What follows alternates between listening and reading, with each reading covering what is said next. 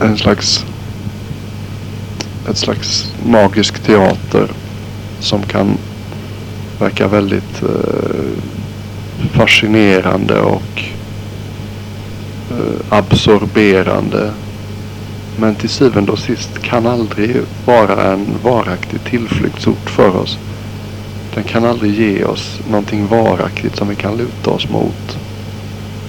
Utan vad vi än, vad vi än lyckas förvärva eller uppleva så kommer det alltid att ta slut. Och ju mer man ser det och ju mer man börjar upptäcka att när det inte finns den här rörelsen mot någonting som vi tror kommer göra oss lyckliga. Eller rörelsen bort ifrån sånt som vi inte tycker om att känna och uppleva. Utan mer och mer träna sig att bara vara här och nu på ett väldigt accepterande och öppet och vaket och alert och icke-fördömande sätt. Så upptäcker man att i den stillheten där man på något sätt inte söker någonting utan bara fridsamt och kärleksfullt är villiga att vara med saker och ting i deras, i deras tillstånd. Utan att manipulera och kontrollera och försöka undvika och allting sånt. Så upptäcker man en frid som är mycket mera tillfredsställande och uppfyllande. Och som känns som, ja det här, det här kan man lita på i alla lägen. Så har man en slags, en slags utgång ur surret. Som att befinna sig i ett rökigt och stojigt rum och helt plötsligt hitta en dörr man kan gå ut till en stjärnklar och stilla himmelsnatt. Bort ifrån stojet och stöket. Och när man vet att den dörren finns så kan man gå tillbaks till stojet och stöket och blir inte lika förvillad och förförd av det därför att man vet att det är inte här jag är hemma. Det är inte här, det här är inte min plats. Jag är villig att vara med det här om det behövs men det är inte vad jag, det är inte vad jag, vad jag tar min tillflykt i livet.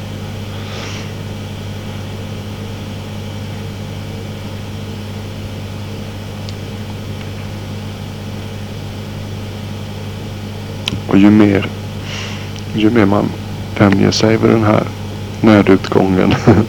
den här härliga dörren som finns ute i den stjärnklara natten. Så upptäcker man mer och mer att ingenting. Det finns absolut ingenting i hela universum som man ska fästa sig vid och tänka sig som varandes mitt eller mig eller jag. Allting är i ständig förändring. Och så fort vi börjar tänka på någonting som varandes mitt eller varandes jag eller varandes mig. Så, så finns det också rädslan för att det här ska försvinna eller förändras eller tas ifrån oss eller hotas. Eller bespottas eller klandras eller förolämpas eller beskyllas eller vad det nu kan vara. Och på den platsen när man är helt och hållet närvarande i nuet.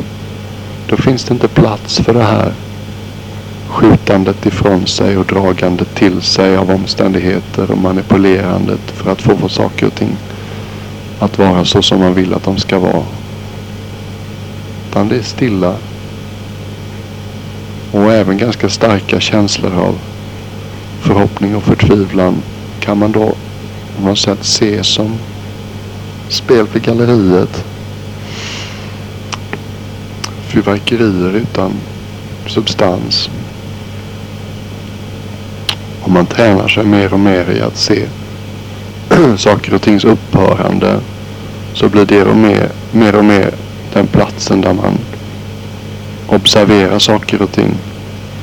Det otränade sinnet är helt och hållet upptaget med saker och tings uppstående början på saker och ting.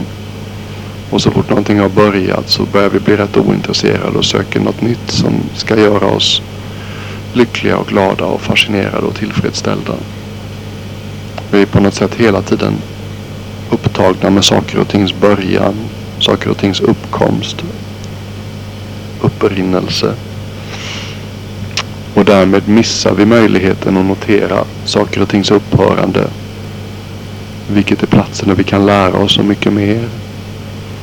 Dels ser vi så småningom att om vi har bundit upp vår livslycka eh, med saker utanför oss själva. Så när de här sakerna upphör eller förändras så finns det ett vemod, en sorg, en saknad.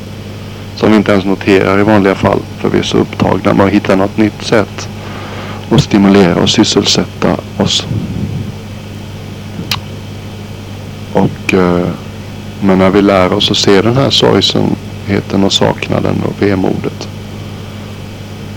Så, eh, så blir det lättare att leva med. Därför vi lever i sanning.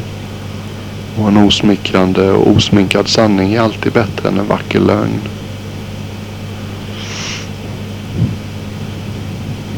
Och då vinner vi en slags mod och inre stabilitet och säkerhet som inte är baserad på ett ego eller en personlighet utan det är tvärtom baserat på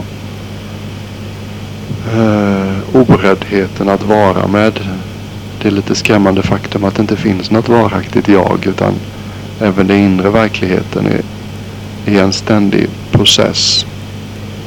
En som, en, som en flod eller en bäck som aldrig riktigt är densamma som den var för en kort stund sedan utan i ständig förändring. Det finns vanor och tendenser som tenderar att repeteras. Men när vi ser dem i det här lite klarare, mindre passionerade ljuset så kan vi lära oss väldigt mycket från de vanorna. Och så kan vi stärka och odla de goda vanorna.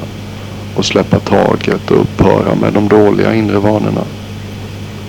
Och helt plötsligt så börjar en känsla växa fram av att vi faktiskt har en mycket större möjlighet än vad vi någonsin trodde att, att vara lyckliga. och världen blir en allt vackrare och mindre hotfull och skrämmande plats blir allt mer en plats där allting på det stora hela inte, inte, eller ska jag säga, blir en plats där vi eh, börjar uppleva mycket mera samhörighet och närvarokänsla. Därför att vi inte längre är så hotade av världen. Därför vi vet på något sätt att min tillflykt är inte där ute. Även om eh, jordbävningen och tredje världskriget kommer och fel parti vinner valet och schweiziska banksystemet packar ihop. Så det, är inte där jag har, det är inte där jag har min tillflykt.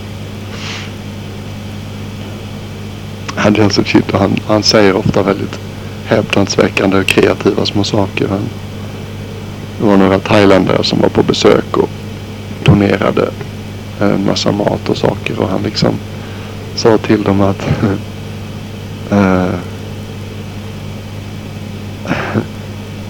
det kanske kan vara lite flummig eller svårt att förstå men eh, man talar ju refinement talar man mycket om uh, nu för tiden och förfinande och världen är liksom ute efter förfinande sinnesförnimmelser mer förfinande parfymer och förfinade smaker upplevelser och förfinade naturupplevelser och vackra resmål. Och det är inte det som det är viktigt att bli förfinad i utan det som är viktigt att utveckla är förfinad smak för så är det godhet. Att utveckla ett allt mer förfinat sinnelag för vad som är vad som är vackert och osjälviskt och generöst och tolerant och öppenhjärtigt. Och ett förfinat sinnelag för vad som är själviskt och cyniskt. Okunnigt och intolerant.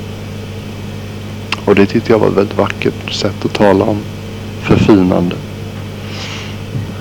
Refinement. Raffinemang. Kanske man kan säga på svenska. Och det här är en väldigt det är en väldigt konstig sorts lycka som växer fram med det här förfinade sinnelaget för godhet. Och den här, eh, eh, ska vi säga, förnöjsamheten med att bara befinna sig i nuet. Och vara väldigt accepterande och ha ett väldigt öppet och stort inre. Därför att utifrån sett så ser det inte ut att vara någonting speciellt. Ofta när folk kommer på besök så säger så tycker de om. De tycker att det är en sån vacker plats det här och det är det ju. Men Adrian Suchita han påpekar ofta och säger att det är verkligt vackra, det är verkligt viktiga som pågår här. Det kan inte ni se, det ser ni ingenting av. Och det är just då därför att det pågår ju i människors inre liksom. Människor med olika grader av talang och eh, förmåga har förbundit sig att göra sitt bästa för att utveckla det som är gott inombords och släppa taget om det som är okunnigt och aggressivt och girigt och fåfängt och själviskt. Och det är kanske en, en, en skönhet så då, som är mindre påtagligt för en besökare. Men när man lever här längre tid så är det den skönheten som blir så påtaglig. det här privilegiet att få leva med människor som har gjort, den här, gjort det här åtagandet. Att växa i sånt som är vackert och att släppa taget om sånt som är dunkelt och förmörkande. Och det har jag liksom dagliga bevis på. Det är ett underbart sätt att leva.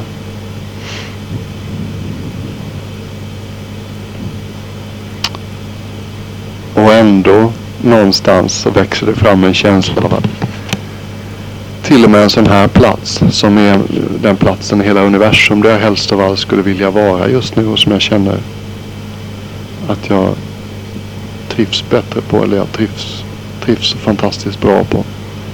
Till och med det är inte ett riktigt hem. Till och med det är inte någonting som jag kan ta min varaktig tillflykt till. Det finns ingenting någonstans i kosmos som man kan ta sin tillflykt till. Därför allt, allting har den här inneboende egenskapen att ständigt vara i förändring. Man kan inte identifiera sig med någonting därför att det leder bara till, till bekymmer. Det enda man kan ta sin tillflykt till det är som aldrig gör en besviken och som alltid finns där. Det är stillheten. Det klara seendet av saker och ting så som de faktiskt är. Bortom eh, våra egna minnen och tendenser och förhoppningar och rädslor. Och det är kanske lättare sagt än gjort men det är, det är väl värt ansträngningen därför att man hittar en, en, en skatt som är dyrbarare än någonting annat som, som finns. Här talar jag väldigt begränsad egen erfarenhet men, men riktningen är klar. Det finns inga, jag har inga som helst tvivel på att det, det, det är dit det barkar. Och det är härligt att ha fått det klart för sig.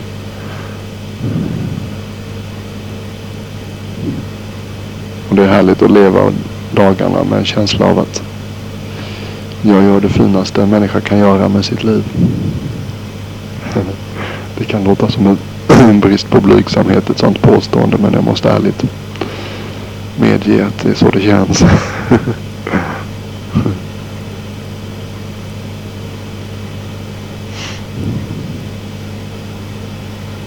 och givetvis hoppas jag att alla i familjen på sitt eget vis och i sin egen utsträckning ska kunna på något sätt ta till sig någonting av det.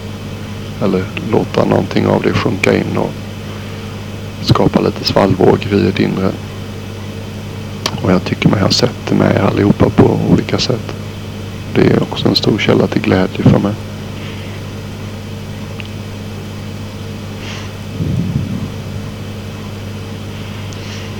Och det är också en av, ett av de skälen till att jag tycker om idén om att ni kommer på lite mer intensiva besök som mammas vecka här.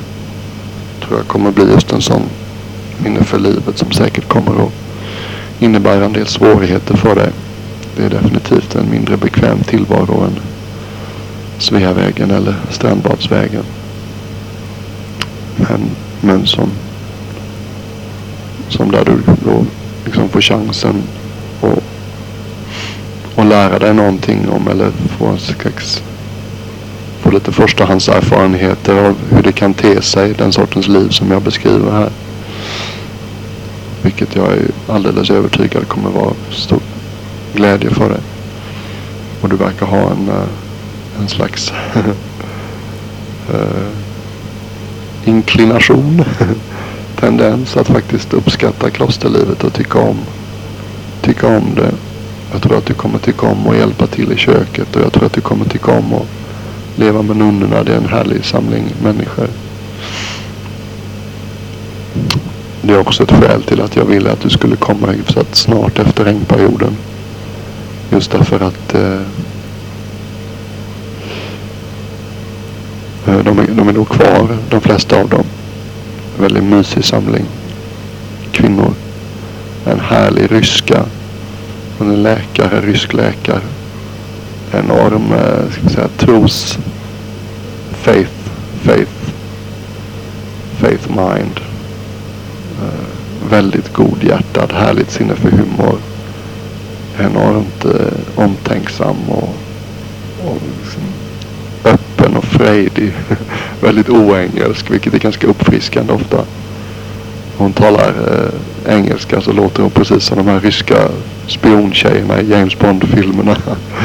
det sprider sig liksom en varm, varm fniss kring rummet när hon pratar. Väldigt härligt. Och en uh, jätteimponerande Anna Garika, en slags kvinnlig Pacao. Varit Pacao i fem år. Gammal äventyrerska. Hon har seglat runt jorden. Hon har bestigit Mount Everest. Hon har vunnit The Whitbread Prize som är ett mycket exklusivt pris i England som delas ut till landets största äventyrare. Jag har aldrig gått in i detalj och hört historien om hennes liv. Man är lite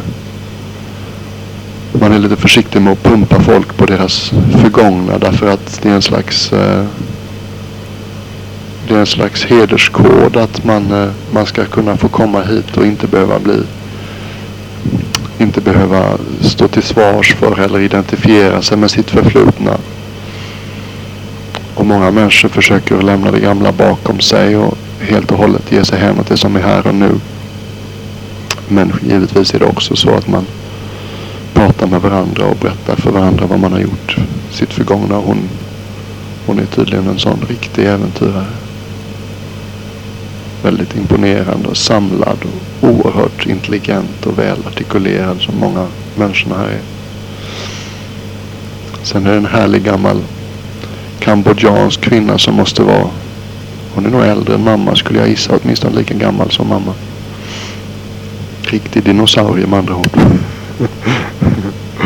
och hon, eh, hon flydde Kambodja. Tror hon flydde Kambodja med sina barn medan hennes man tror jag valde att stanna kvar för han var, jag tror att han var minister av något slag i landet när det började gå hett till. Men, eh, men Röda khmererna de fick tag på honom tror jag och avrättade honom. Och förmodligen i stort sett alla hennes, alla hennes släktingar också. Så hennes barn lever i Amerika och hon är nunna i vitt. Anna Garika som det heter. Hon är ofta i köket. Jag kan mycket väl tänka mig att mamma och hon kommer att laga mat tillsammans. Det kommer ni säkert tycka om.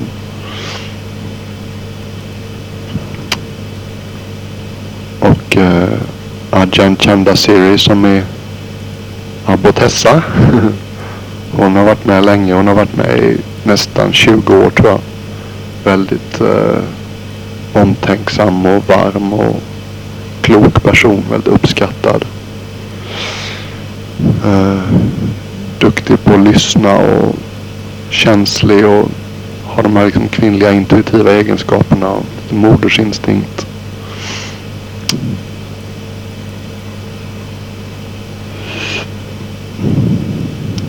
väldigt god hjälp till Adjan Suchito med att ta hand om undervisningen och hjälpa till i klostret. Väldigt osjälvisk. Eller ni läste säkert i Adrian Suchitos brev till supportergruppen i gruppen att uh, han nämnde just Adrian Chandaseris osjälviska insatser under regnperioden där hon en period var både gästnunna och abbotessa och redaktör för Forest Sanga Newsletter och arbetschef för nun nunnorna och Gjorde allting själv egentligen. Sen har vi haft en schweizisk anagarika här under regnperioden. Gammal yogalärare. Också väldigt fin person. Lite mer inåtvänd och ibland lite dyster till sinnes. Inte helt otypiskt för en schweizare kanske. Men väldigt vänlig och hjälpsam och godhjärtad person. Jag har inte så mycket att göra med dem men jag tycker om dem och kommer väl överens med dem allihopa. Och sen en väldigt imponerande flicka från Nya Zeeland som väl har varit nunna i brunt i åtta år. Syster Tania. Ryska nunnan heter Syster Tita Meda. Abbotessan heter Adjan Chandasiri. Och den nyzeeländska nunnan heter Syster Tanja. Väldigt duktig meditatör. Oerhört verbal och varit med länge. Hon var inne på Nanat Chat redan 1989 för tio år sedan och levde där som tillsammans lustigt nog med den schweiziska eh, Anna Garikan. Schweiziska Anna Garikan. hon heter Mariette och kambodjanska Anna Garikan. hon heter René. Kanske kan vara någonting angående Kambodjas förgångna som en fransk koloni, vad vet jag. Och eh, engelska nunnan som har äventyrerskan, hon har, heter Joanne. Nu tenderar saker och ting att ändra sig väldigt mycket väldigt fort efter regnperioden så det kan hända mycket där. Men så ser det ut nere hos nunnorna. Sen har de ofta en eller två gäster också. Jag tror jag gör så att jag, jag säger åt nunnorna tredje till tionde november. Och så föreslår jag att mamma försöker komma den tredje istället så att du är här på Adjan Suchitos födelsedag. För det kan vara ett trevligt tillfälle.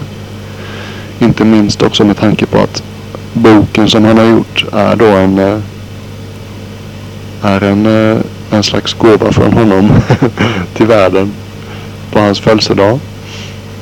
Och eftersom ni hör till eh, de som har möjligt gjort den här gåvan så är det trevligt om du finns här tycker jag. Så att jag rekommenderar dig att satsa på att komma den andra eller tredje november snarare än den fjärde. Och om du bara, jag vet inte, det finns ju olika sätt. Antingen tar du dig till Waterloo så går det regelbundna tåg till Petersfield. Och så plockar vi upp dig i Petersfield. Eller jag vet inte om du är mer intresserad av någon lyxvariant med att pappas kontakter i London hjälper mig att köra dit. Det gör du som du vill. Men hur som helst om du tar dig hit med tåg så, så tar du dig med taxi till, Peters, till Waterloo från flygplatsen. Och på Waterloo så går det tåg varje timme. Jag kan till och med skicka en tidtabell så att du har det. Och så går du av i Petersfield och så är vi där och väntar på dig med klosterbilen.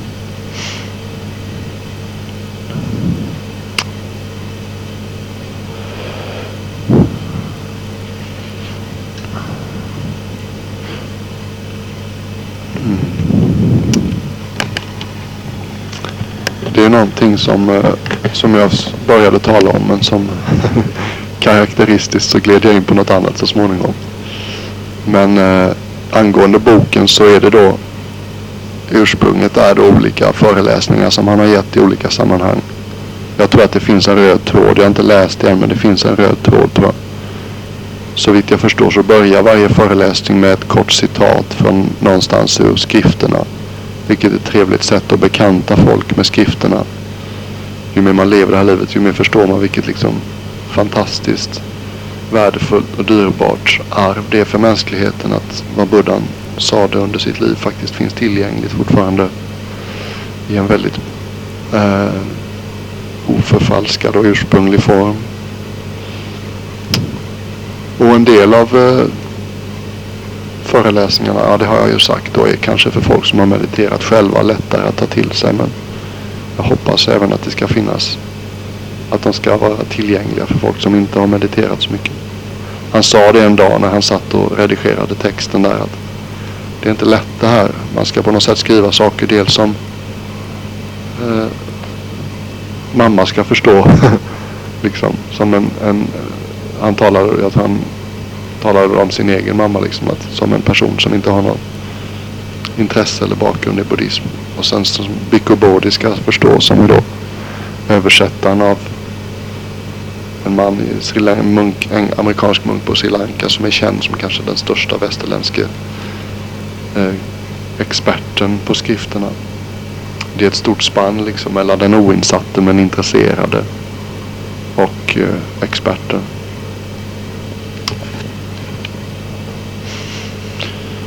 Så har jag sagt lite grann om eh, nunneorden. Syster Tanja hon, eh, hon är också någon som Adjan Suchito använder som sin eh, vad heter det? Editor. Redaktör. Som, som läser hans alster och kommenterar och hjälper till med språket och innehållet. Kan man ju faktiskt berätta lite grann om munkarna också. Laguppställningen under regnperioden. Det dyker väl upp ett eh, gruppfoto så småningom och då kan man kanske identifiera personerna lite mer. Vi har ju då ett par munkar som är ute och bor i skogen hela regnperioden. De är på retreat hela regnperioden. Och de ser vi ju nästan aldrig. De dyker upp liksom och tar sin plats i matkön. Det är enda gången vi ser dem under dagen. Och sen, eh, och de är tysta och säger inte mycket. Och sen så möts vi varannan vecka när vi gör vår recitation av munkdisciplinen då vid nymånen och fullmånen. Då snackas man vid lite mer. Och det är de munkarna, det är då dels Adjan Viradammo som eh, är senior till Adjan Suchito. Gammal vän till Adjan Suchito. Adjan Viradamo har varit abbot eh, på varit i tre och ett halvt år. Och gett Adjan Sumeto lite mer andrum för sig själv. Och nu har Adjan Viradamo bestämt sig för att eh, ge sig av till Nya Zeeland så småningom. Och så får han tillfälle att få lite tid för sig själv under en regnperiod. Han eh, är från Kanada. Hans föräldrar är från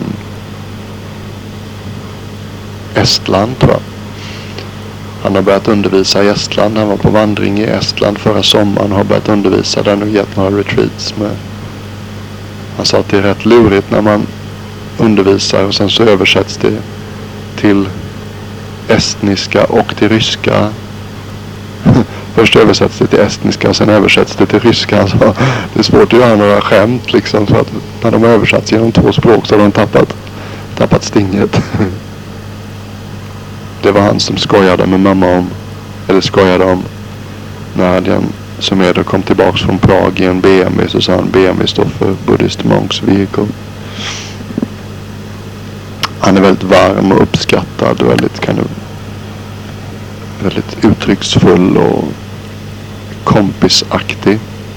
Jag säger inte det negativt utan liksom vänlig och omtänksam och ödmjuk. En del munkar, kanske speciellt de engelska, kan vara lite eh, kanske skrämmande sådär för att de inte är omedelbart snackiga.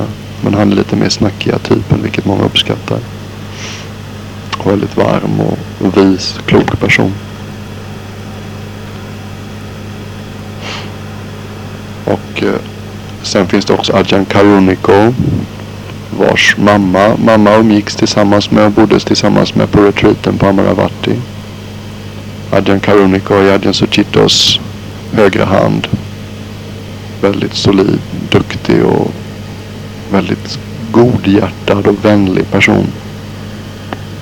Som kanske inte uppskattas i första hand för sina damma-föreläsningar. Det, många tycker om dem också men han är mer liksom en doer. Som fungerar väldigt fint som en slags uh, ja, höger hand till Adjan Suchito.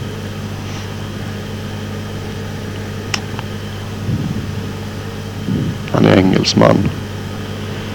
Hans bakgrund tror jag han var elektroingenjör från början. Men tog ordination som ganska ung. Han är nog knappt, knappt 40 år gammal och han har varit munk i 15 år tror jag. Något sånt. Så han har varit med länge.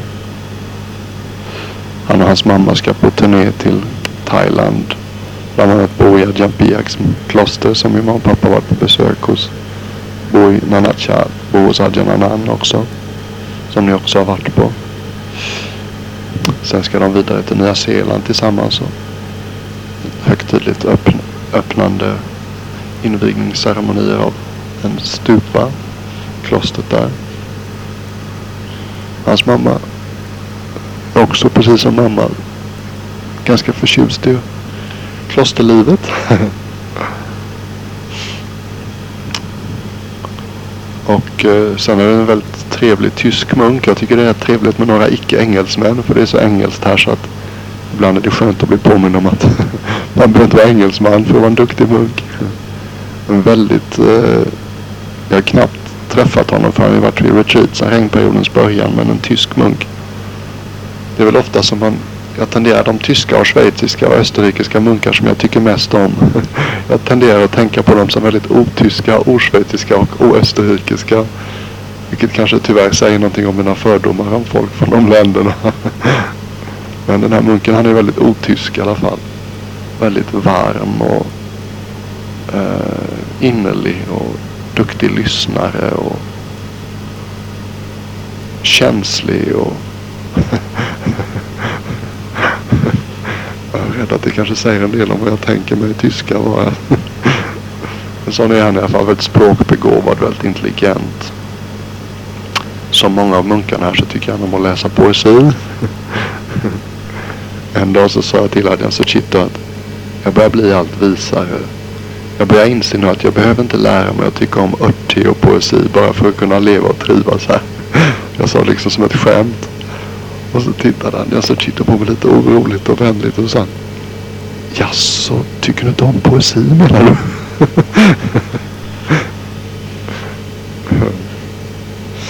Den här tyska munken kommer att tillsammans med Ajahn Viradammo resa till Nya Zeeland efter regnperioden, vilket är lite synd för han är en sån trevlig, trevlig typ.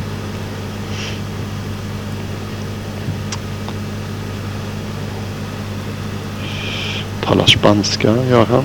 Rest en hel del i Sydamerika. Så har vi Venerable Nyana Tusito som jag levde tillsammans med i Nanachat ett år.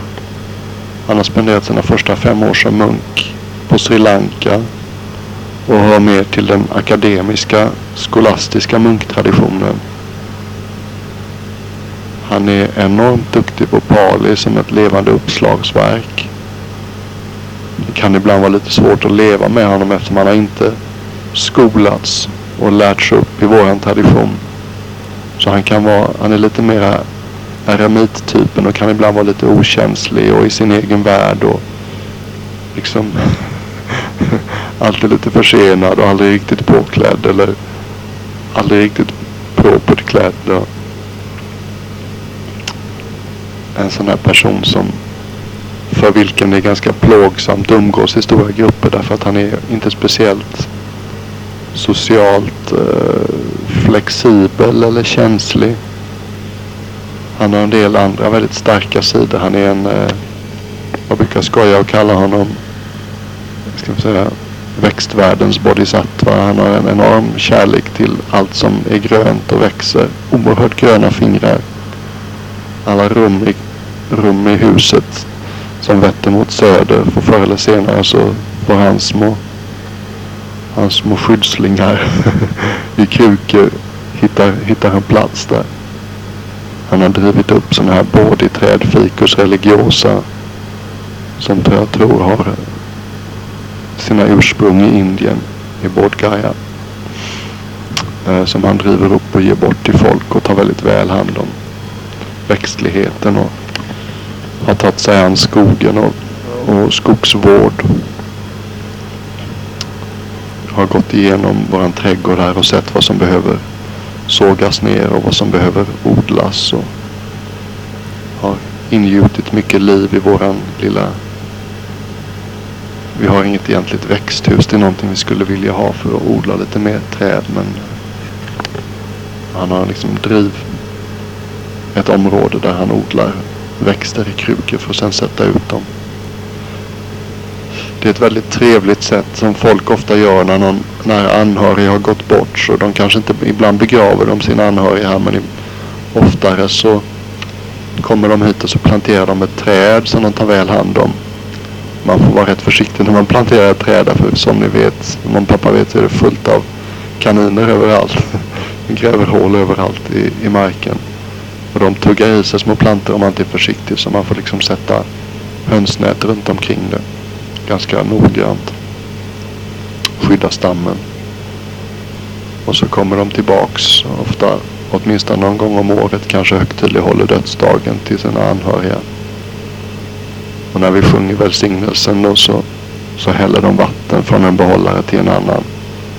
Som en slags mera den godheten och generositeten som har manifesterats i deras eh, gåva.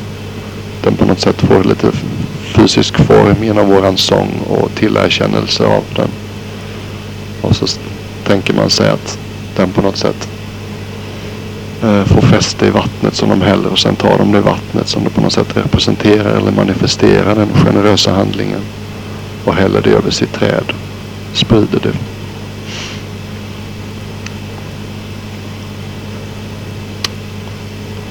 Och så har vi efter honom har vi Venerable Tita Dammo som är en härlig figur.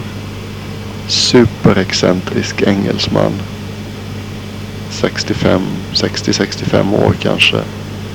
Oerhört vackert ansikte när han vill och ler så är han så mördande charmerande. Uh, gammal krögare, proffsboxare, luffare. Han har gjort allt. Jag tror att han, han var här i, han, efter fem års liv här i klostret så har han aldrig bott över en natt i huset tror det tog dem ett år innan de ens fick reda på vad han hette. han bodde... Det var ingen som visste var han bodde första året han var i klostret. Han grävde sig liksom en, en kula i jorden i, i någonstans i skogen. Men han mycket förtegen och hemlighetsfull. Vägrade berätta för någon var han bodde. Oerhört egensinnig, total konstnärssjäl. Vi har liksom tagit honom fyra års träning att lära sig att göra gående meditation fram och tillbaka. Det var på något sätt för strukturerat och systematiskt. Han kunde bara gå i cirklar innan. När han talar så är det som en slags poesibok. Lite, en poesibok lite halvt, halvt ur kontroll. Stora ord och stora tankar och storvulet allting filosofiskt och djuplodad. Och visst, ibland är det guldkorn och ibland undrar man om man är riktigt... om man har ett skrot i skjulet. Gudabenådad eh, snickare. Man kan nästan inte kalla det snickare. Det är mer som att kalla honom en artist i trä. Han har byggt några fantastiska små regnskydd och ved, vedlager och hyddor. Oerhörda skapelser. Han håller just nu på att bygga en ny hydda till abbotessan som nog kommer bli ett under i. Alla hans byggnader är gjorda på ett sådant sätt så att man tänker sig någonting ur John Bauers bilder eller Sagan om ringen. Med vårt perspektiv på livet som bara ett av många liv så blir det väldigt... Man ser, ser en, till exempel vedhyddan som man har byggt i den kutten som jag bor i. Så shit, när jag ser det tänker jag sånt kan man inte bygga om man inte har varit troll i ett tidigare liv. Det är väldigt tydligt. Och eh, gudabenådad tecknare.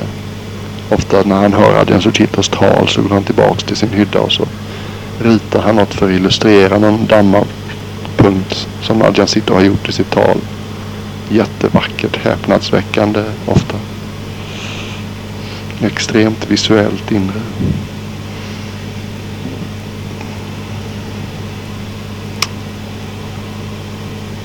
och eh, väldigt duktig på att gå emot strömmen. Jag menar, jag är bara några regnperioder äldre än honom i, i kåporna.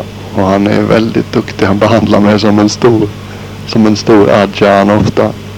Omtänksam och liksom serverar och tjänar och hjälper till. Det är någonting som jag allt mera imponeras av så är det som folk som ödmjukt liksom eh, ger sig an och göra det som inte är så lätt för dem. Folk som tycker det är svårt att vara i strålkastarljuset och så tar sig an det. Och folk som tycker det är svårt att leva ute i skogen ensamma en månad och så ger sig i kast med det. Och folk som inte är så praktiskt lagda och så tar de sig an ett projekt som är väldigt praktiskt. Och folk som inte är så lagda för att läsa i bok och så tar de sig an och studerar, studerar skrifterna. Folk som inte tycker om att ha med folk att göra och tar sig an och vara gästmunk eller gästnunna under en månad. Det är mycket det vårt liv går ut på. Att göra det som inte är så lätt. Adjan Shah sa ofta det liksom att det som är lätt det kan vem som helst göra. Men det som är svårt det, det är verkligen värt att göra. Därför att det, det kan man lära sig så mycket på.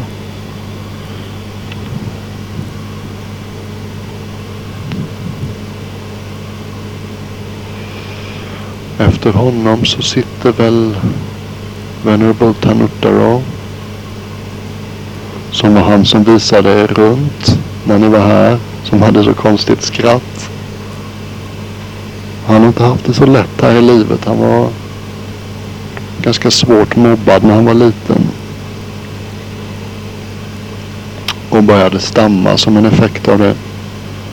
Och har alltid haft ganska svårt socialt. Och extremt osäker när han var liten Han hade aldrig speciellt mycket vänner. Svårt med flickor och, och led mycket av det. och sen när han blev äldre och han fick ordning på sina tänder så så, så försökte han kanske ta igen det. Och han kan ibland vara lite högljudd och lite okänslig. Han är väldigt jovial och tycker väldigt mycket om att umgås med folk. Men han har inte alltid som ni kanske märkte så har han inte alltid så himla mycket kanske sociala social känslighet. Men han kompenserar det genom sin godhjärtadhet. Han är också gudabenådad eh, tekniker, alltså extremt praktiskt lagd. Kan liksom allt från el, avlopp, bygge, eh, skogs, skogshantering. eh. Han extremt bygger de mest häpnadsväckande sakerna liksom, hemma i den tekniska världen. Enormt hjälpsam och godhjärtad och väldigt villig att eh, tjäna. Han var både gästmunk och arbetsmunk under ett par månader och det är rätt, det är rätt fullt upp det. Duktig med datorn.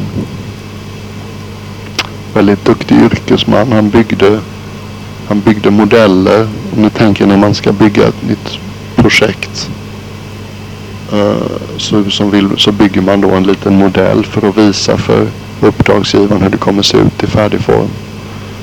Som den modellen som mamma och pappa såg av vår nya damma, damma, eh, ha, damma sal. Hade eget företag och ja, sysslade med sånt. Han var inblandad i Docklands eh, restaureringen av The Docklands tror jag. Och han gick igenom eh, och tillsammans med hans bror då, Tan som jag talade om tidigare. Som verkar bli något av min närmaste vän här. Caliano är då väldigt olik sin bror. Han är väldigt eh, egentligen gjort som en ganska inåtvänd person. Han beskrev ikväll att han ända till hans var 20-25 år så liksom var han alltid den som satt, satt vid sidan och inte ingick i gruppen utan satt hellre och läste en bok. Och inte alls egentligen sport, sportintresserad. När han blev 25 så tog han upp tai chi och då, sen dess har han fått en fantastiskt fin eh, kroppskännedom och kroppsmedvetenhet. Väldigt hemma i sin kropp och, och så vidare. Men han är ganska alltid haft lätt för att få flickor, alltid haft lätt för att få vänner. Och väldigt trygg i sig själv och mycket intelligent person. Och väldigt vaken och som socialt känslig och, och, och insiktsfull om varför människor är som de är. för en tre, fyra år sedan så råkade de här två bröderna ut. Eh, deras pappa, han var eh, en... Eh, tar det slut där kassetten Deras pappa var en väldigt framgångsrik eh, uppfinnare för General Electric.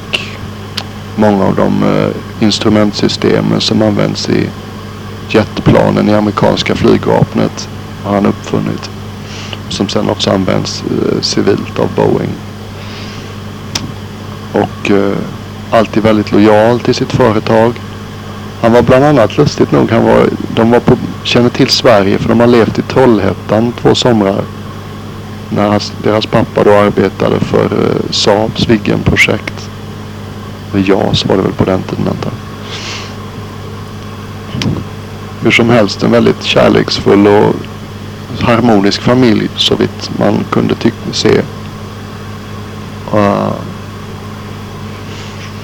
och uh, pappan var alltid väldigt absorberad av sitt yrke och gav 100% i jobbet och hängiven sin personal. och eh, en dag när han var 62 eller år eller någonting sånt där så fick han ett besked att du är avskedad liksom. Du har två veckor på dig. Och, eller ja, väldigt kort tid på dig och packa dina väskor.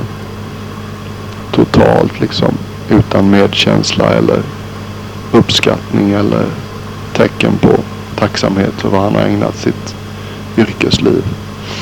Och några av hans uppfinningar hörde till de största liksom penning, penninginbringarna, största kassakossorna som General Electric, den divisionen av General Electric någonsin hade haft. Så att eh, det fanns god anledning att vara tacksam men eh, inte, inte en gest från företaget, ingenting. Och han tappade fotfästet i livet och eh, blev ganska deprimerad. Och jag tror inte några månader efter han hade fått sparken så kom eh, pojkarnas mamma, hans fru, hem en dag och fann honom eh, hängandes i hallen. Tagit livet av sig.